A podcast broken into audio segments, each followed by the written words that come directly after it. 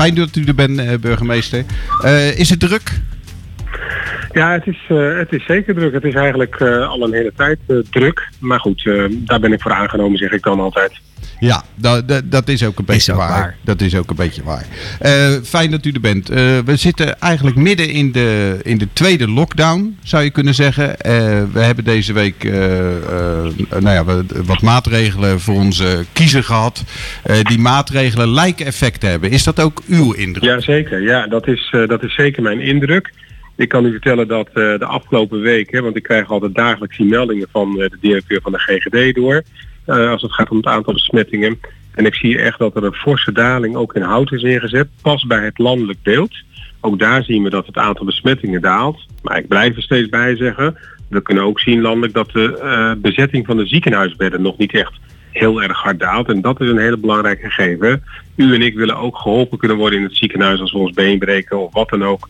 Of als er een operatie gepland staat. En dat moet nog steeds worden uitgesteld omdat de bezetting in de ziekenhuizen te hoog is en ook op de IC-bedden.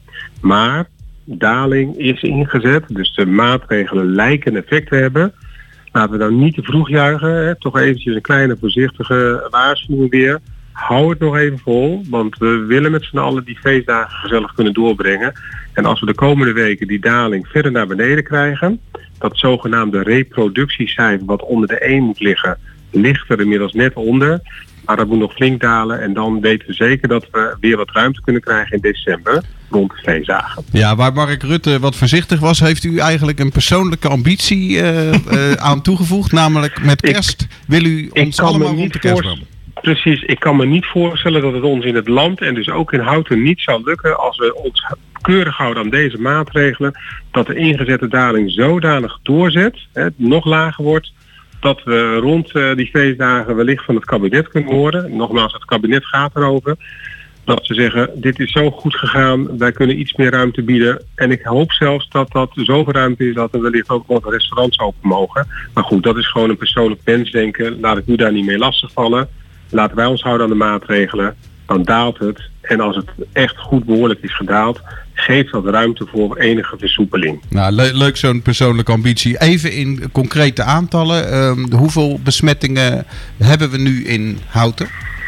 Uh, de afgelopen week waren dat er 130. En toch even voor de vergelijking, die week daarvoor, en dan heb ik het over de week van, 8, van 26 oktober, toen waren het nog 211.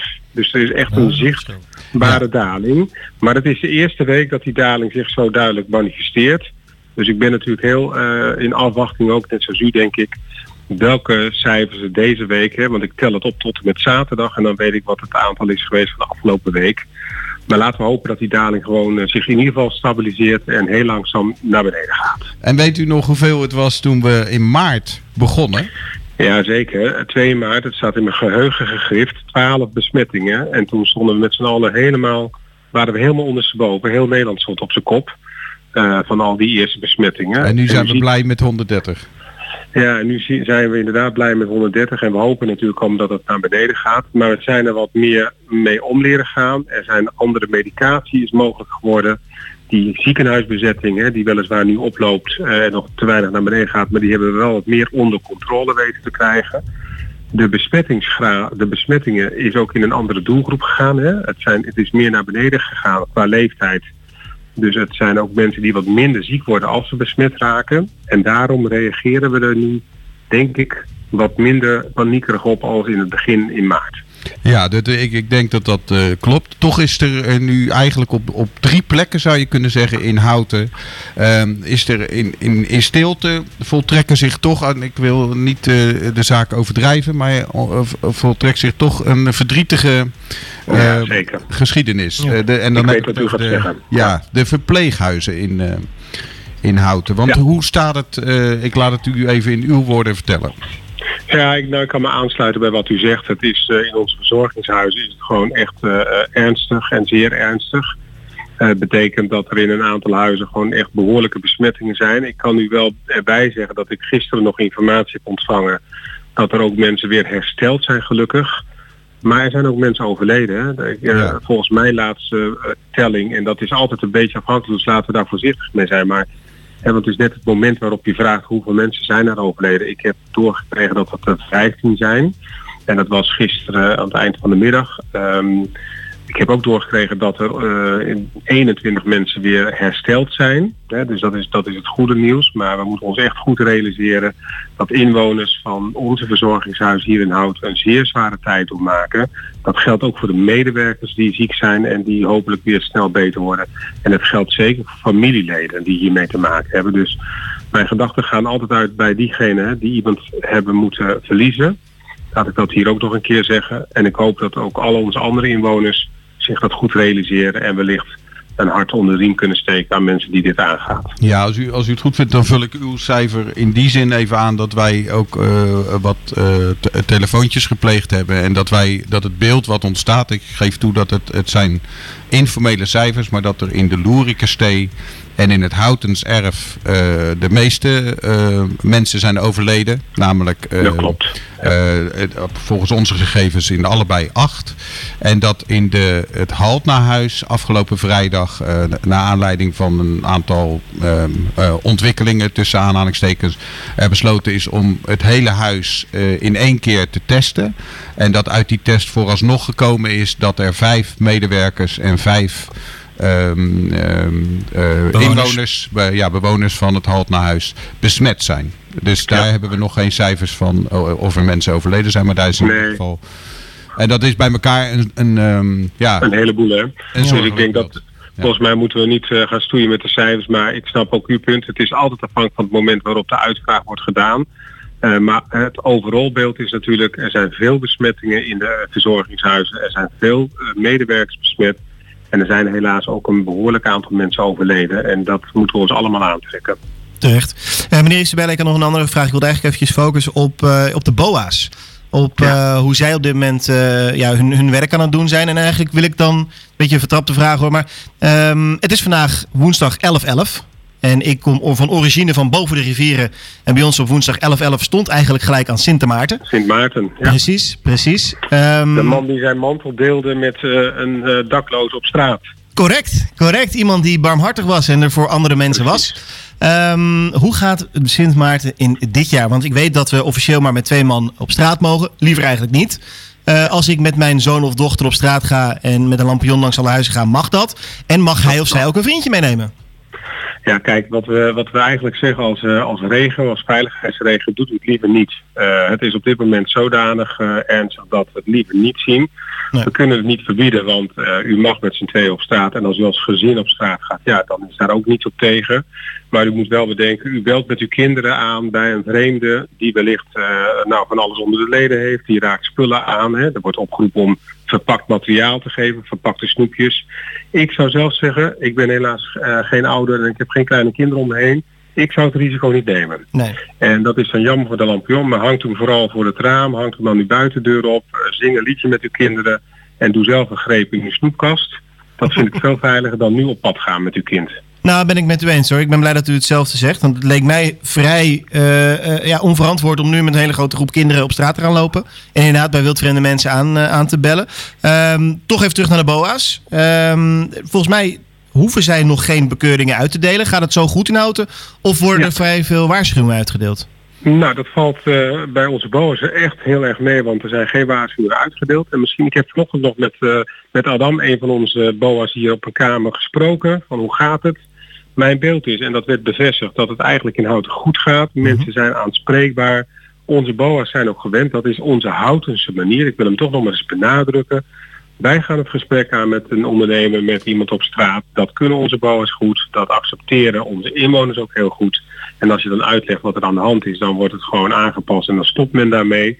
Dus de BOA's hebben nog geen uh, uh, boetes hoeven uitdelen. De politie heeft daarentegen volgens mij wel al een aantal boetes uitgedeeld. Okay. Uh, en dan gaat we natuurlijk vragen hoeveel dat er zijn. En laat ik nou die aantekening even niet bij de hand hebben. Maar we hebben natuurlijk met elkaar afgesproken dat we strenger zullen handhaven.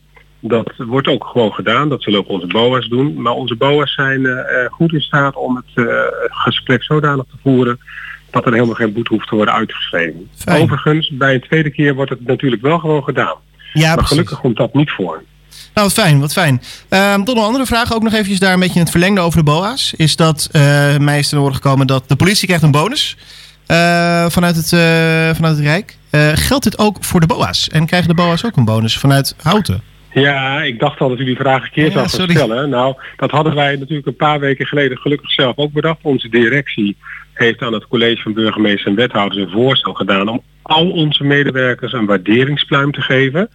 en dan kun je zeggen, een waarderingspluim, hartstikke leuk, maar wat levert dat nou op? Nou, we hebben bedacht dat dat in ieder geval ook uh, een geldelijke bijdrage moet zijn, 150 euro netto. Um, en dat doen we voor al onze medewerkers, want ook onze telefonisten aan de telefoon die oh, onze inwoners te woord staan.